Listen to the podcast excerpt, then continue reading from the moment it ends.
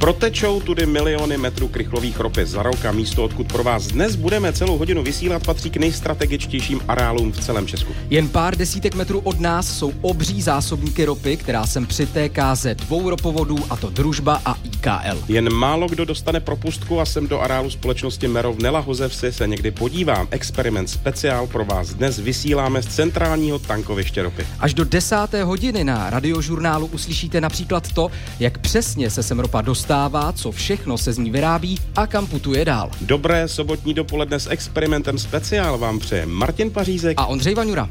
Experiment. Pořad z prostředí vědy a moderních technologií. 9 hodin a 10 minut tady radiožurnál posloucháte speciál magazínu Experiment. Dnes ho pro vás vysíláme přímo z dispečinku centrálního tankoviště ropy v Nelahozevsi. Ano, z místa, které patří mezi strategické objekty České republiky a právě sem každou minutu přitéká ropa. V tuto chvíli ještě ze dvou ropovodů, Družba a IKL. Ano, ten s názvem IKL začíná v bavorském Fauburgu, je napojený na evropský ropovod TAL, který surovinu přivádí z italského přístavu Trst. Naopak družba je nejstarším fungujícím ropovodem na našem území, vstupuje do Česka pod řekou Moravou u Hodonína, přes Vysočinu pak míří Polapskou nížinou ke Kralupům, tady se pak surovina ukládá do nádrží a ropovod ještě pokračuje do Litvínova. Nejen o tom, kolik vlastně tímto areálem proteče ropy, teď budeme mluvit s prvním hostem dnešního experimentu, provozně technickým ředitelem společnosti Mero, Zdeňkem Dundrem. Vítejte u vás, dobré sobotní dopoledne. Dobrý den, krásné sobotní dopoledne všem posluchačům. My jsme teď na dispečinku Vavřínku, tady kousek za budovou, odkud teď vysíláme, jsou obří ocelové nádrže, je jich tu celkem 17, tak kolik se tam vejde ropy a na jak dlouho vám vydrží? Tak kdybychom je všechny zaplnili, tak eh, jsme schopni zde uskladnit až 1,675 milionů kubických metrů ropy, což je ohromné množství. A v podstatě vydrželo by nám to až, řekněme, na dva až tři měsíce zpracování tuzemských rafinérií. Jak musíte obměňovat ty zásoby? Jak to funguje? V podstatě část z nich, eh, kde jsou uloženy takzvané nouzové strategické rezervy, tak je, řekněme, statická, hmm. ale zhruba třetina tankoviště slouží opravdu k provozním účelům, kde se ropa dočasně uskladní, smíchá s jiným druhem ropy a expeduje do rafinérií. Takže tam ta ropa se zdrží, řekněme, dny, týdny maximálně. Jaká je rychlost, jakou se ropa pohybuje v potrubí a za jak dlouho doteče například právě z Trstu až sem do Nelahozevsi? Takže pokud ropu už dostaneme tankerem odkudkoliv ze světa do italského Terstu, tak eh, její cesta vlastně ropovodem, jak jste říkali, ropovodem TAL a následně ropovodem IKL do České republiky trvá zhruba dva týdny. S tím, že rychlost se změní, eh, na ropovodu TAL je ta rychlost mnohem větší. Tady na českém území už ta rychlost je, řekněme, jako lidská chůze. Hmm. Jak ta ropa, která se z vrtů dlouhou cestou dostává, až sem vůbec vypadá, ono existují různé druhy, sám jste to teď zmiňoval, tak jaké jsou v nich rozdíly?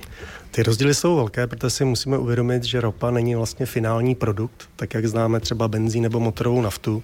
A kdybychom si vlastně třeba před nás na stůl do průhledné skleničky dali několik vzorků ropy, tak už pouhým okem budeme vidět rozdíly. To znamená, ty rozdíly jsou už, řekněme, třeba v barvě, od úplně neprůhledných malých rop až po nažloutlé ve skupenství, to znamená, jsou ropy lehké, které opravdu tečou jako benzín, co znáte, ale jsou ropy, které při podkové teplotě by v podstatě netekly. Přepravujeme třeba ropy z Libie, které mají bod tekutosti 28 stupňů, to znamená, mm-hmm. při pokové teplotě jsou tuhé, když je nezahřejeme, nesmícháme.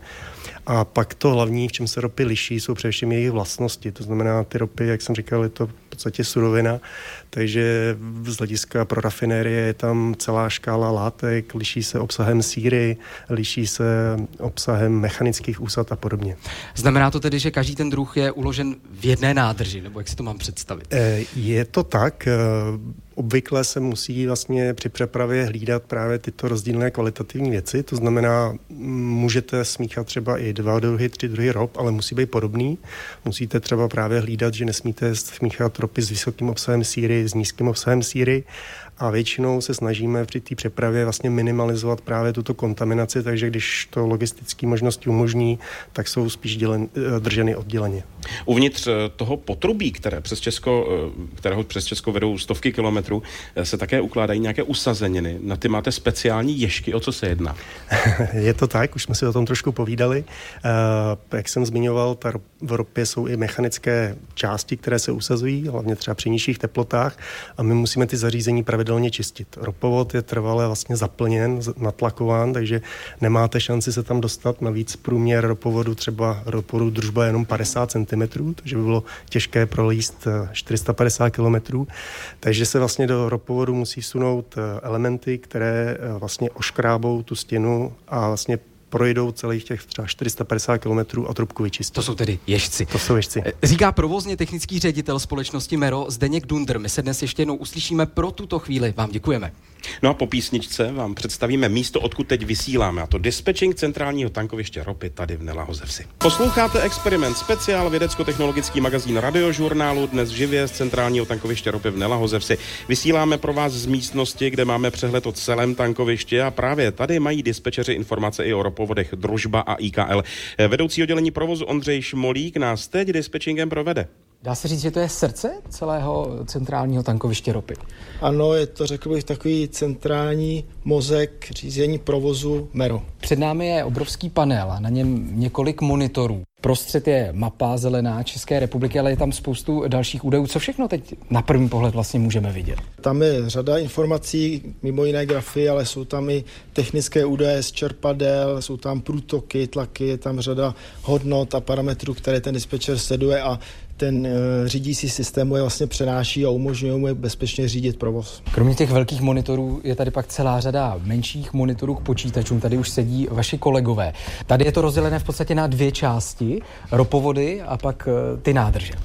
Přesně tak, to Řídící centrum má dvě části. Jedno je řízení ropovodů, což je ta levá část, kde sedí dispečer pro ropovody, který řídí a monitoruje českou část ropovodu družba a českou část ropovodu IKL.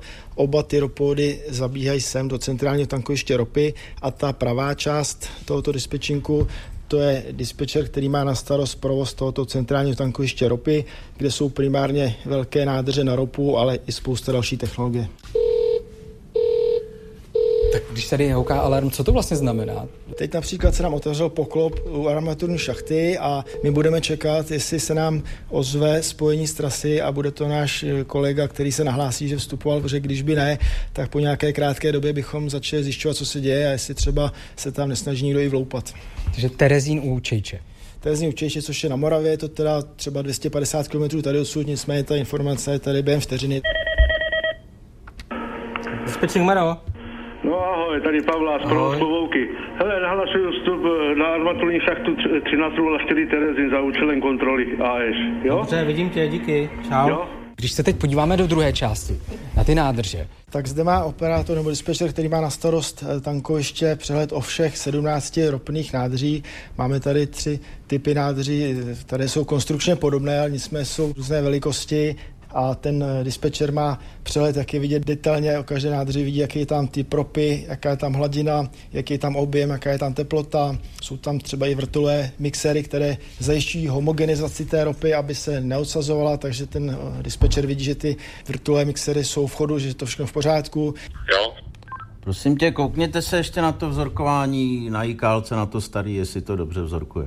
Jo, to teďka pojedu, tak já se kouknu. Co je podle vás na práci dispečera nejtěžší? Tak vyhodnocuje z velké množství informací. Ty informace převážně jsou teda z těch řídících systémů, jak vidíme, jak jste říkal, nejsou to jenom ty malé obrazovky, ale protože těch informací opravdu hodně, tak postupem času přibyla i ta velkoplošná obrazovka, aby zpřehlednila vlastně vůbec ten provoz a e, byl na první pohled vidět, kde třeba se objeví něco, co je potřeba řešit. Nenadále situace, které tady mohou nastat a pak ten člověk musí reagovat. Co to třeba je? To jsou ty případy, kterých naštěstí není moc a zdánlivě ten provoz je třeba často klidný, ale pak se objeví něco nenadálého, že třeba vypadne napájení některé armaturní šachty po trase, když je jich víc, tak musí zvednout takzvaně naše kolegy trasaře z pohotovosti, kteří musí zajistit na místě napájení leteckou energii, nebo se mu třeba neplánovaně, což je úplně výjimečné, ale může se to stát, zavře, sjede z otevřené polohy, která armatura, on pak musí zjišťovat, jestli opravdu se to stalo, nebo jestli je to nějaký nepřesný, řekněme, kontakt a nic se neděje, to znamená, musí zase na to nějak zareagovat, aby nedošlo třeba k odstavení čerpání nebo k natlakování a podobně. Takže těch situací hodně, ty dispečeři jsou na to trénováni, jsou s tím seznamováni, jak postupovat. Ten dispečer je velice důležitý člověk. Tady. Tolik Ondřej Šmolík, vedoucí oddělení provozu. No a už za chvíli nás na radiožurnálu čekají krátké zprávy. Co se z ropy vůbec vyrábí a co se s ní předtím musí stát? Jaká je budoucnost dodávek ropovodem Družba a co je to projekt TAL+. Je takový areál se stovkami tisíc tun ropy na jednom místě bezpečný? Nejen to jsou témata, o kterých ještě budeme ve vědecko-technologickém magazínu Experiment dnes mluvit. Speciální vydání pro vás vysíláme živě z centrálního tankoviště ropy v Nelahozevsi. Dobré dopoledne. Tady je radiožurnál a experiment speciál. Dnes ho pro vás vysíláme živě z centrálního tankoviště ropy v Nelahozevsi. Celý dnešní díl věnujeme ropě, její úpravě a dopravě do Česka. Jsme na dispečinku, je tady poměrně klid, telefony v sobotu dopoledne příliš nezvoní a s námi je tu teď další host, vedoucí oddělení obchodu a plánování společnosti Mero Jiří Palice. Dobrý den. Dobrý den, přeji krásné ráno. Už na konci letošního roku by Česko mělo být nezávislé na ruské ropě. Znamená to nějaké změny například pro plánování přepravy a skladování ropy v Česku? Tak určitě. Znamená to zásadní změny. My budeme muset vlastně přesměrovat veškerý tok ropovodu družba na ropovod TAL a potažmo na ropovod IKL a veškeré zásobování ropou bude právě probíhat eh, těmito ropovody a veškeré dodávky do rafinérií potečou přes ropovod TAL a přes ropovod IKL. Vy právě pokračujete v projektu TAL+, Plus. ten by měl výrazně navýšit dodávky právě ropovodem IKL. Co všechno se tedy musí změnit? Ano, v projekt TAL Plus vlastně musí změnit to, že musíme skapacitnit právě ropovod TAL, hmm. který v dnešní době je schopen, řeknu, přepravovat až 45 tisíc eh, milionů tun ročně a my musíme toto množství navýšit o cca 4 miliony tun. Jak se ta kapacita navyšuje? Jak to vypadá v praxi? V praxi to vypadá asi tak, že se musí udělat určité technické úpravy. Znamená to, řeknu, asi tak, že se musí vyměnit vlastně čerpadla. Budeme instalovat nově 20 čerpadel na ropovodu TAL, 12, 12 kusů 12 kusů motorů, elektromotorů a dva kusy frekvenčních měničů a plus samozřejmě další komponenty. Ty úpravy se ale netýkají jen ropovodů, ale právě centrálního tankoviště, kde teď společně sedíme. Ano, je to přesně tak. Vy se staráte i o distribuci ropy dál do rafinérií a dalším partnerům. Může něco ty dodávky ohrozit? No a co se děje v případě, že ropa prostě neteče? Samozřejmě krátkodobým odstávkám nebo výpadkům dochází celkem běžně. Takové ty krátkodobé samozřejmě neznamenají skoro nic, protože ropa samozřejmě v zásobnicích a případně takováto náhrada je velice jako jednoduchá, ale samozřejmě nějaký větší výpadek, eh, když se stane, tak v tomto případě máme nouzové zásoby ropy na centrálním tankovišti, a případně tyto zásoby se použijí pro zásobování rafinérií. Mhm. Co může zastavit dodávky ropy do Česka? Vzpomenete si na nějakou takovou mimořádnou událost? Určitě nějaké perličky tady máme, konkrétně si vzpomenu, teda je to prosinec 2020, to se konkrétně událo na ropovodu TAL, to byl pád laviny a tam hmm. došlo k přerušení vlastně dodávek elektrické energie, takže se nemohl ropovodem TAL čerpat. Celkem to trvalo 6 dní a byly vlastně ohrožené rafinérie v Bavorsku, tedy převážně, té naší se to netýkalo. A další takovou perličkou je rok 2019 a to je vlastně přerušení ropovodu družba, kde došlo ke kontaminaci vlastně ropy e, solí. Skladů a nádrží je po republice hned několik. Jak to funguje právě v případě odstávek a jak dlouho tedy v Česku vydržíme bez přísunu jakékoliv ropy? Už to tady vlastně jednou zaznělo, já to vezmu jakoby z pohledu ropy a vlastně z pohledu naší společnosti. Na nouzových zásobách e, tady máme ropu, řeknu, na dva až tři měsíce kontinuálního zásobování rafinérií. Vedoucí oddělení obchodu a plánování společnosti Mero Jiří Palicej, vám díky za to, že jste byl hostem experimentu speciál naslyšenou. No a e, my se už za chvíli vydáme přímo do rafinérie, jen o pár kilometrů dál do Kralup nad Vltavou. Celý dnešní magazín Experiment speciál věnujeme ropě. Zhruba 6 hodin trvá, než se ze surové ropy stane motorová nafta. Je to ale nekončící proces, na který bezprostředně navazuje například výroba síry. V každé rafinérii jsou tak nejdůležitější kilometry potrubí. Třeba v Kralupech nad Vltavou zabíjí zabírá technologie pro zpracování ropy v podstatě jen nepatrnou plochu.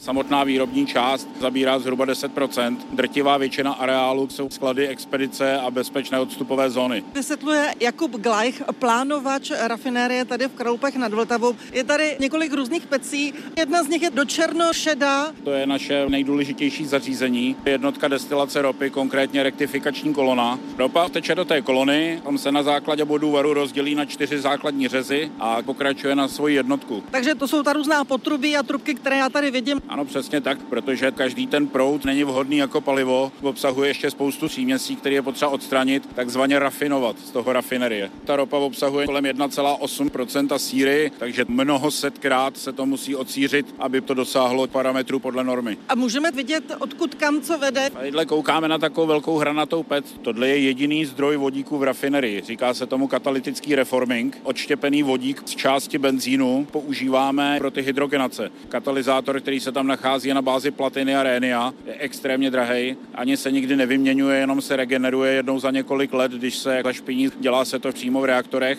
a de facto kondice toho reformingu určuje, jak moc jsme schopní odsířit, jak moc jsme schopní tu rafinerii provozovat. Velín tady vypadá velice nenápadně, jako maličko větší opláštěný kontejner. To klame tělem, protože ta budova tu rafinerii řídí, tak musí mít gigantickou požární i výbuchovou odolnost. Vidíte, ty dveře ty jsou jak od trezoru. Můžeme dovnitř? Nestoupíte na tu rohošku, jinak se ty dveře neodevřou. Teď už se automaticky otevřely.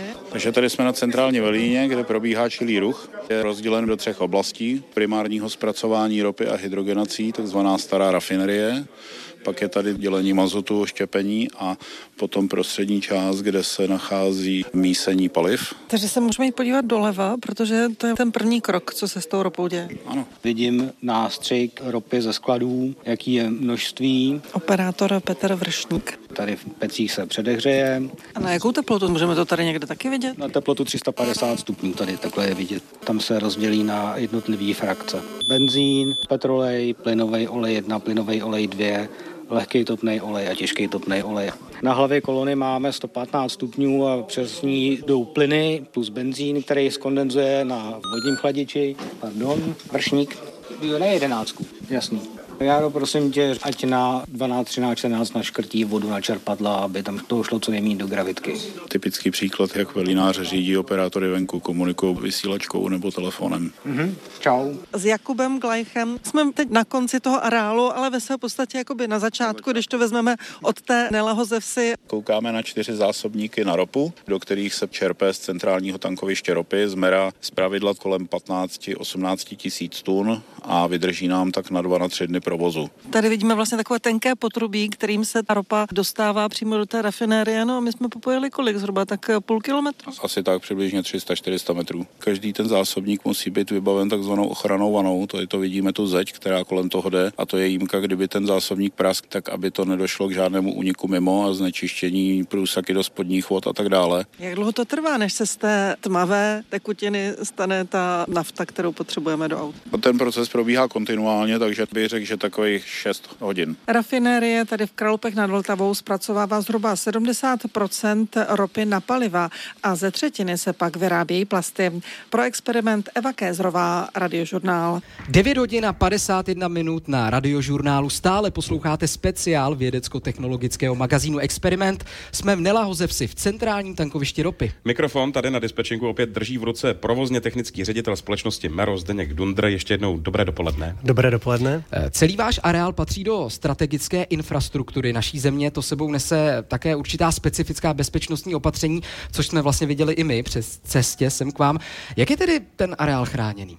Takže vlastně eh, tím, jak říkáte správně, patříme vlastně pod eh, prvek kritické infrastruktury státu, takže jsme chráněni jednak z hlediska přístupu, to znamená zabezpečení vstupů.